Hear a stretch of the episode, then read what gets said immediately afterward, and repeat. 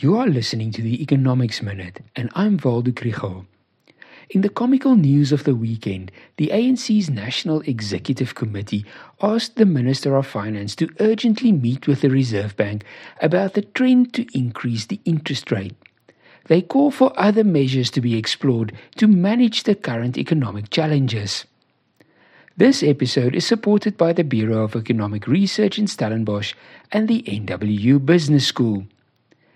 The irony is that the proposals around other measures are things that the ANC government talked about last year but could not get done, such as reducing the fuel levy or exempting more products from VAT. It is actually the Minister of Finance who said that the government cannot afford to sacrifice the tax revenue.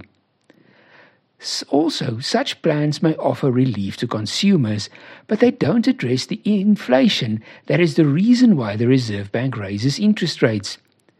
The Reserve Bank is particularly concerned about the volatility of the rand, administered prices, and wage agreements that set increases above the inflation target.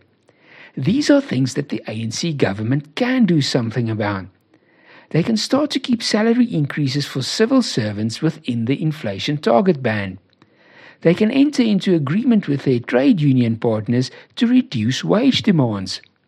They can keep increases in electricity prices and local authority rates and taxes within the target band.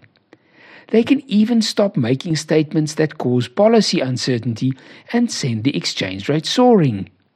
They can go as far as not to host the BRICS summit there's actually so much that they can do to help the Reserve Bank.